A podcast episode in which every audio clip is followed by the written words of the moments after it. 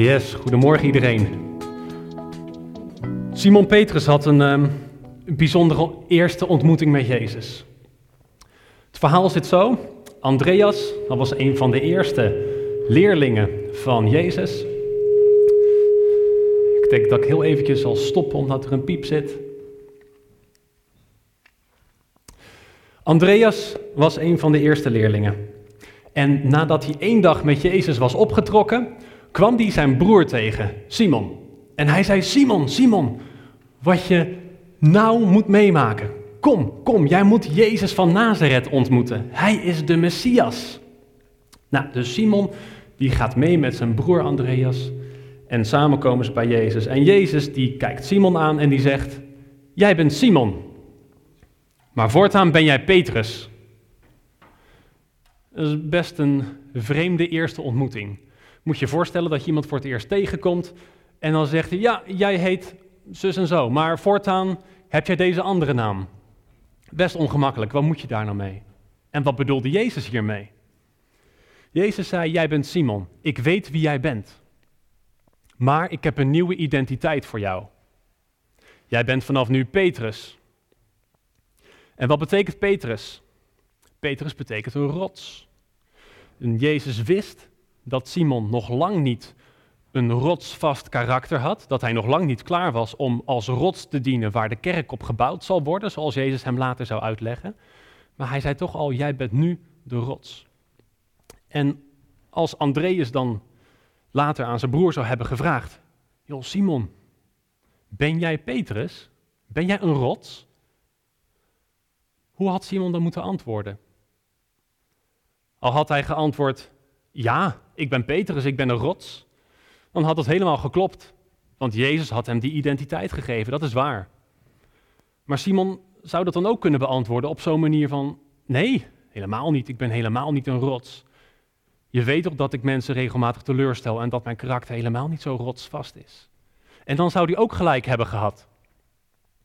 Nou, zoiets soortgelijks komen we tegen Ehm, in die stellingen die ik vorige week heb uh, doorgestuurd naar jullie. Die had je in de WhatsApp-groep kunnen, kunnen lezen en kunnen beantwoorden. En veel mensen hebben dat ook gedaan. Nou, dit is een van de opvallende dingen. Ze zullen zo ook eventjes kort in beeld verschijnen. Um, sowieso bijzonder dat er perfecte mensen zijn in onze gemeente. Kijk maar, 9% is perfect. Ja, dat is geweldig. En, wat, wat, we verder zien is um, kijk dan naar, naar, de, naar dat taartgrafiekje van ik ben een zondaar. 60% van de mensen zegt ja, ik ben een zondaar. En 40% zegt ik ben geen zondaar. Hoe zit dat dan? Hebben wij in onze gemeente 60% zondaren en 40% niet? Ik denk het niet. Maar net zoals die vraag die aan Simon Petrus gesteld werd, ben jij een Petrus? Kun je ook deze stellingen op twee verschillende manieren beantwoorden. En sommige mensen hebben dat ook in de commentaren erbij getikt. Um, dat is eigenlijk best wel brak geformuleerde stellingen zijn. Want wat is nou de bedoeling hiervan? gaat het om jouw eigen ik, die nog zoveel tekort komt? Of gaat het om jouw nieuwe ik, die God je heeft gegeven wanneer je opnieuw geboren bent geworden? En dat is precies waar het hier om draait.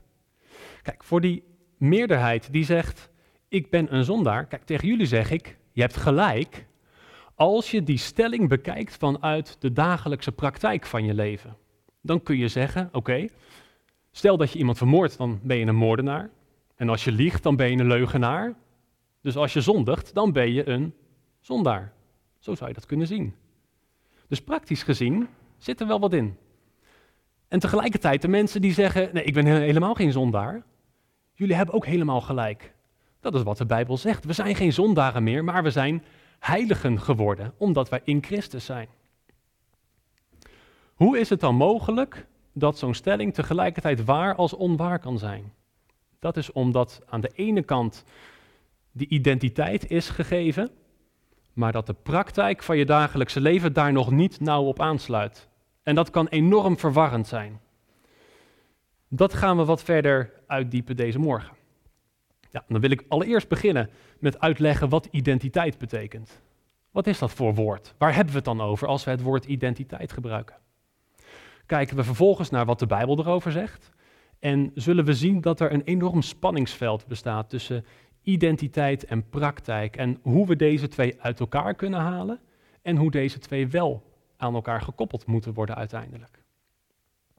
En omdat dit zo'n vaag, abstract onderwerp is, wat nogal filosofisch kan worden benaderd, wil ik het juist enorm praktisch maken op het einde. Hoe kan dit jouw leven nou transformeren, beginnende vandaag? Nou, beginnen met identiteit. Wat is je identiteit? Of wat is überhaupt de identiteit van een mens? Daarover nadenkend um, moet ik zeggen dat ik meteen zelf eerst dacht aan wat maakt mij nou uniek? Waarom ben ik anders dan jij? En waarom is zij anders dan zij? Maar gek genoeg is dat niet waar identiteit om draait. In de kern gaat het heel ergens anders over. Kijk bijvoorbeeld naar waar het woord vandaan komt. Identiteit komt van het woord idem. En identiek is ook een woord wat eraan gerelateerd is. Dat heeft dus juist iets te maken met hetzelfde zijn, niet met anders zijn. En wat is dan de identiteit van de mens? Dat is die aspecten in je leven die over de loop van de tijd altijd identiek zullen blijven. Van geboorte naar sterven en misschien zelfs tot in de eeuwigheid. Is er in jou als mens een onveranderlijke kern? Want dan is dat die identiteit. En dan ga je nadenken, wat kan die identiteit zijn? Het kan niks lichamelijk zijn, want je lichaam wordt afgebroken. Het kan niks met je persoonlijkheid te maken hebben zelfs, want er zijn ziektes die kunnen je persoonlijkheid aantasten. Dat is dus niet onveranderlijk. Er zijn invloeden van buitenaf die dat kapot zouden kunnen maken. En dat geldt voor alles wat hier op deze wereld is. Dus moet je automatisch wel die identiteit zoeken buiten deze wereld.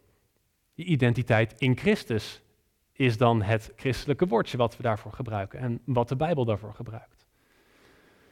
Wat is dan die identiteit in Christus? Dit is hoe ik het, ehm, hoe ik, hoe ik het zie, je identiteit in Christus. Ehm, en dit is ook een Bijbelse beeldspraak. Het is alsof jij als mens in de eerste plaats, dus met zondige verlangens, met al je foute gedachten, bij God zou willen komen. Maar als je dat doet en je komt in de aanwezigheid van die heilige, pure God, dan zou je compleet verteren, blijft er niks van je over. Dus dat is een probleem. En God heeft de oplossing gegeven.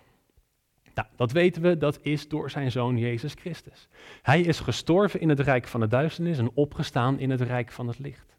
En hij zegt tegen iedereen, doe jij met me mee.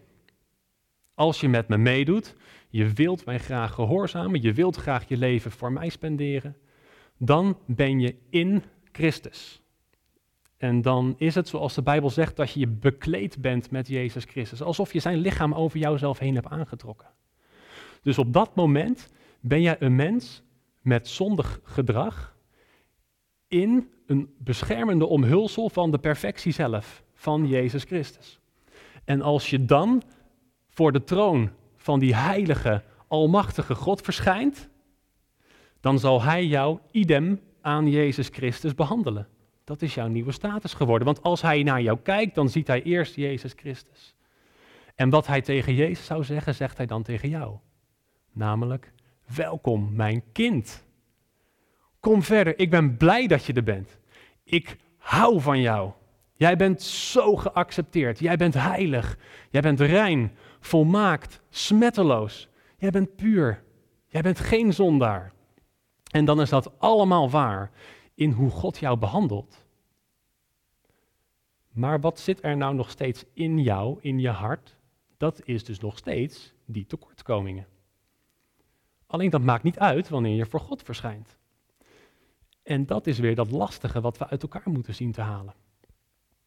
Nou, wat de Bijbel hierover schrijft, er zijn zoveel zaken die de Bijbel ons geeft over wat dan onze identiteit is. En het komt er eigenlijk op neer dat die identiteit is dat we dus identiek aan Jezus Christus zijn in onze status tegenover God, maar nog niet bij de mensen. Een van de dingen die hier staat geschreven, dat is je bent gestorven. Je bent met Christus gestorven. Nou, dat heeft heel veel mooie implicaties, want je kunt niet meer worden aangeklaagd door de boze. Maar tegelijkertijd staat er in de Bijbel aan de andere kant: sterf aan jezelf. Kap nou met deze dingen. Stop met dit doen, stop met dat doen, stop met dat doen. Ga dat wel doen, ga dat wel doen. Er staan zo'n duizend van dat soort geboden in het Nieuwe Testament. En dan vraag ik mij af, hoe kunnen die twee naast elkaar bestaan? Heb je er zelf eens over nagedacht? Heb je dat conflict in de Bijbel wel eens gezien? Je bent gestorven, maar je moet nog sterven. En een tweede is dat je een nieuwe schepping bent. Het oude is voorbij, het nieuwe is gekomen. Dat is voltooide tijd, dat, dat staat er al. Maar tegelijkertijd de oproep om vernieuwd te worden in je denken. Trek de nieuwe mens aan. Leg die oude gewoontes nou eens af. Word nou echt getransformeerd. Hoe kan dat? Ben je nou al nieuw of moet je nog nieuw worden? En dus ook de stelling zoals ik hem uh, had opgestuurd van tevoren. Je bent vrij van zonde.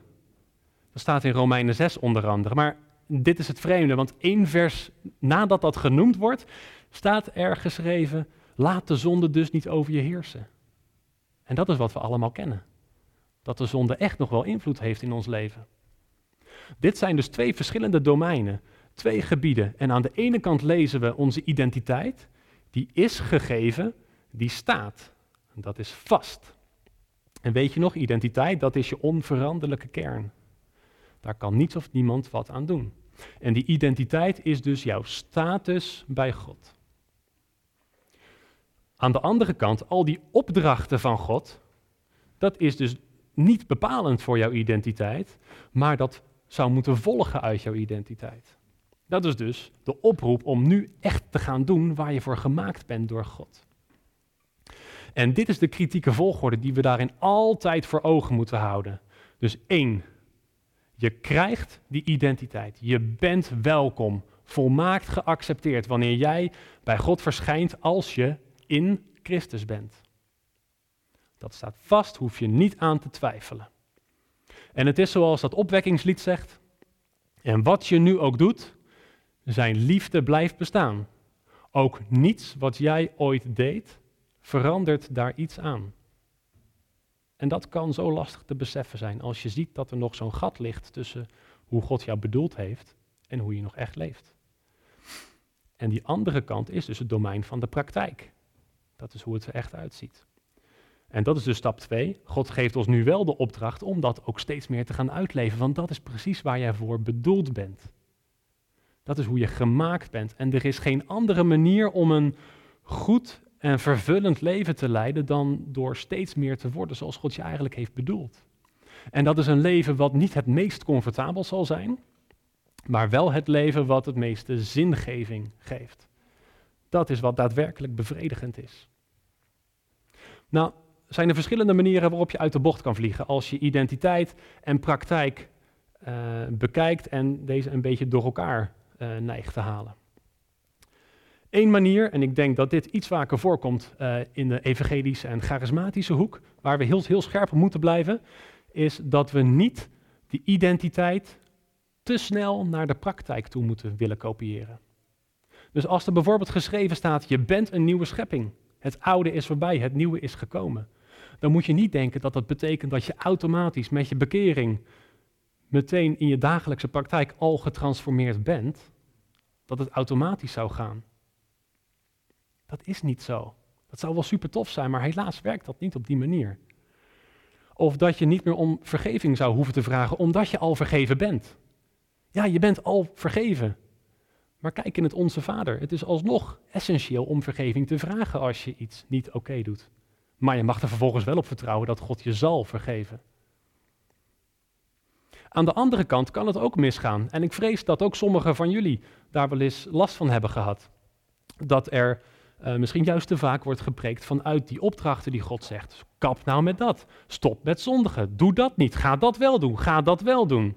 Je bent een zondaar. Je bent zo slecht. Je hebt een verdorven hart. Ja, dat kan misschien wel een klein beetje kloppen, maar dat is veel te, veel te groot uitgemeten dan. En als er termen worden gebruikt als je bent een zondaar, dan ga je haast nog denken dat jouw tekortkomingen onderdeel zijn van je identiteit. En dan krijg je het verschrikkelijke feit dat sommige mensen bang zijn om, om, om voor God de Vader te komen.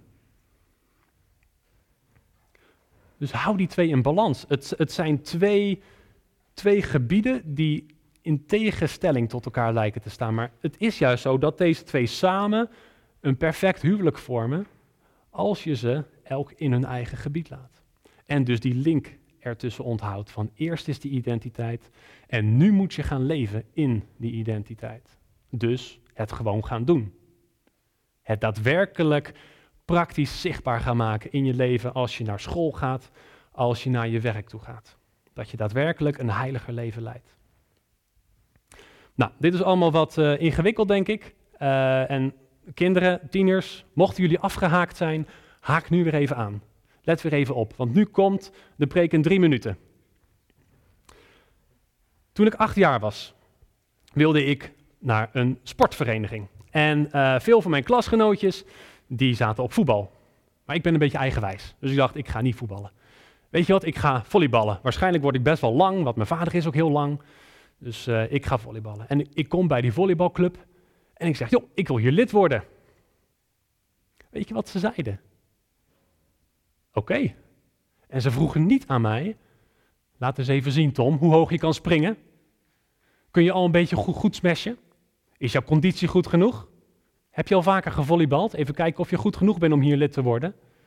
Dat was helemaal niet waar. Het was, ja, je mag hier komen. En weet je wat we gaan doen? Je bent dan meteen een volleyballer als je hier zo komt.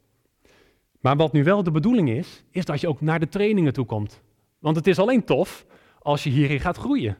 Als je steeds betere volleyballer wordt. En dan ga je trainen en dan mag je later ook met de wedstrijden meedoen. En dan wordt het echt een leuk spel ook, een leuke sport. En dit is dus exact ook hoe dat zit in het leven met God.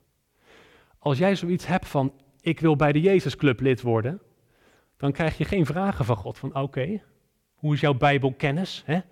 Weet je allemaal versen uit je hoofd? Kom je al op voor die klasgenoot die gepest wordt? Hè? En bid vaak genoeg? Dat zijn helemaal niet de vragen die door God worden gesteld. Als jij bij Jezus wil horen, is het ja. En dan houdt God net zoveel van jou als van allemaal super turbo christenen die al 50 jaar doen wat God van ze vraagt. Jij bent net zo welkom bij God en hij luistert net zo naar jou. En daarna, als een tweede stap, zegt God: Oké, kijk, nu je bij mij hoort, is het eigenlijk ook wel heel handig als je steeds meer op Jezus gaat lijken. Want dat is de enige manier waarop je een echt tof leven zal leiden. Een goed leven. En daarom is het dus goed om met deze dingen te stoppen en met deze dingen wel juist bezig te gaan. En dat zijn dan de opdrachten van God. En dat is dus niet um, om, om het te kunnen verdienen dat je bij God bent, maar dat is juist omdat je al bij God hoort. En dat is hoe dat in elkaar steekt. En ik had beloofd dat ik in het laatste deel zou ingaan op hoe we daar nou concreet praktisch mee bezig kunnen gaan. Want dat is vaak het lastige van zo'n identiteitsbreek, dat het allemaal zo abstract lijkt. Dat, dat het moeilijk is om daar echt iets mee te gaan doen. Dus hoe kun je nou die identiteit uh, realisatie maken in jouw dagelijks leven? En dan wil ik graag een vraag terugstellen. Stel je moet een schoolopdracht maken of uh, er is een toets volgende week. Of je hebt misschien een opdracht voor werk. Hoe ga je dat aanpakken? Nou, misschien denk je, mijn God kan alles. Hij weet alles. Hij weet alle antwoorden van de toets die ik moet gaan maken. Ik vertrouw op God. Ik ga dit niet in eigen kracht doen, maar ik laat Hem door mij heen werken. Zodat Hij het allemaal kan doen, want Hij kan het veel beter dan ik. Dus Heere God, wilt u het doen? En je gaat vervolgens niet zelf leren, maar je gaat gewoon doen waar je zin in hebt. En op de dag van de toets, dan zit je daar en dan zeg je, oké Heer, schrijft u de antwoorden maar op. U kan een tien halen. Dat is niet echt hoe het werkt, toch? Haal je op die manier een voldoende? Ik denk het niet. Hoe werkt het wel? Nou, je gaat zelf keihard leren. Je gaat je best doen. Jij gaat studeren en je offert wat van je vrije tijd daarvan op. En tegelijkertijd mag je natuurlijk ook een beetje vals spelen door God te vragen om jou te helpen. Hij kan je dan rust geven. Hij kan ervoor zorgen dat je echt alles eruit kan halen waar je voor hebt geleerd. En dat is dus wat mij betreft het antwoord op het hoe. Het is niet alleen dat je het van God verwacht, zoals er wel eens gezegd wordt, of dat je bang moet zijn dat je het allemaal in eigen kracht zou doen, maar het is dit. Jij doet je best en God doet de rest. Allebei, tegelijk.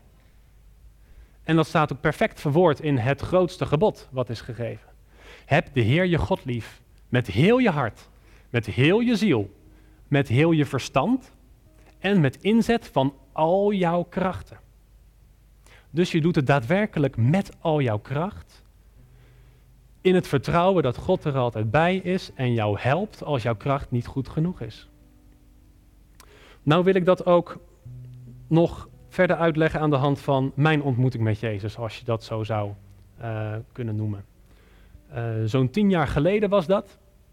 En ik begon steeds meer te beseffen dat er iets niet klopte als ik in de kerk zat. Ik zag hoe het christelijk geloof eruit zou moeten zien volgens de Bijbel. En ik zag hoe mijn leven eruit zag op dat moment. Mega grote kloof tussen die twee. En ik kreeg zo diep de overtuiging dat ik moest kiezen. Ik moest hier achter zien te komen. Of het christelijk geloof is een leugen, of mijn leven is een leugen. En in een proces van een jaar ongeveer moest ik concluderen dat mijn leven een leugen was. En dat proces, daarin heb ik Gods liefde heel diep leren kennen. God was niet lief voor mij, maar hij was ultiem liefde. Hij gaf mij, uh, zo gezegd, een schop onder de kont en zei: Tom, waar ben je mee bezig? Jij bent volkomen geaccepteerd bij mij, maar ga er nou eens naar leven. Doe er nou eens wat mee. En ik moest erkennen dat er luiheid was in mijn leven. En moet je raden hoe ik dat probeerde op te lossen, die luiheid, hoe ik daar vanaf wilde komen. Ik hoopte dat als iemand voor mij bad, dat ik daar automatisch van bevrijd zou worden. Best wel grappig als je erover denkt, want dat is de meest luie manier om van luiheid af te willen komen. Wat heb ik geleerd in mijn leven, is dat het streven is. Doelen stellen. Je gaat ervoor, je knokt ervoor en je gaat onderuit. En je staat weer op. En God houdt nog steeds evenveel van jou. En je bent weer een stukje dichter bij je doel. En je gaat er weer voor. En je betrekt anderen erbij. En je betrekt God erbij. Dat is gewoon keihard knokken. En dat is tof, want dat doe je niet vanuit een angst omdat je anders niet bij God mag komen, maar je doet dat vanuit een passie om Gods wil voor jouw leven uit te leven, want dat is daadwerkelijk waar Hij je voor heeft geroepen. Ik ga hem afsluiten nu. Mocht jij hier nog verder mee door willen gaan, komende week, ehm, misschien zelf, met je gezin of met een connectgroep als die weer zou gaan opstarten, is dit wat je kan doen. Je kunt Colossense 3 lezen. Pak dan vers 1 tot en met 17 en wat je daarin tegenkomt, probeer ze maar te vinden. Zijn acht stellingen over jouw identiteit. En maar liefst 30 concrete opdrachten om dat in de praktijk te brengen. En terwijl je dat leest, bid je en zeg je, Heere God, wilt u mij laten zien op welk vlak van mijn leven ik mag groeien? En dan kun je daar bijvoorbeeld een challenge van maken. Dat je zegt, deze week ga ik proberen niet te roddelen. Want ik zie dat dat een probleem is in mijn leven. Deze week probeer ik daar specifiek vooruitgang in te boeken. En dat is hoe je echt jouw identiteit vorm kan laten krijgen in jouw leven.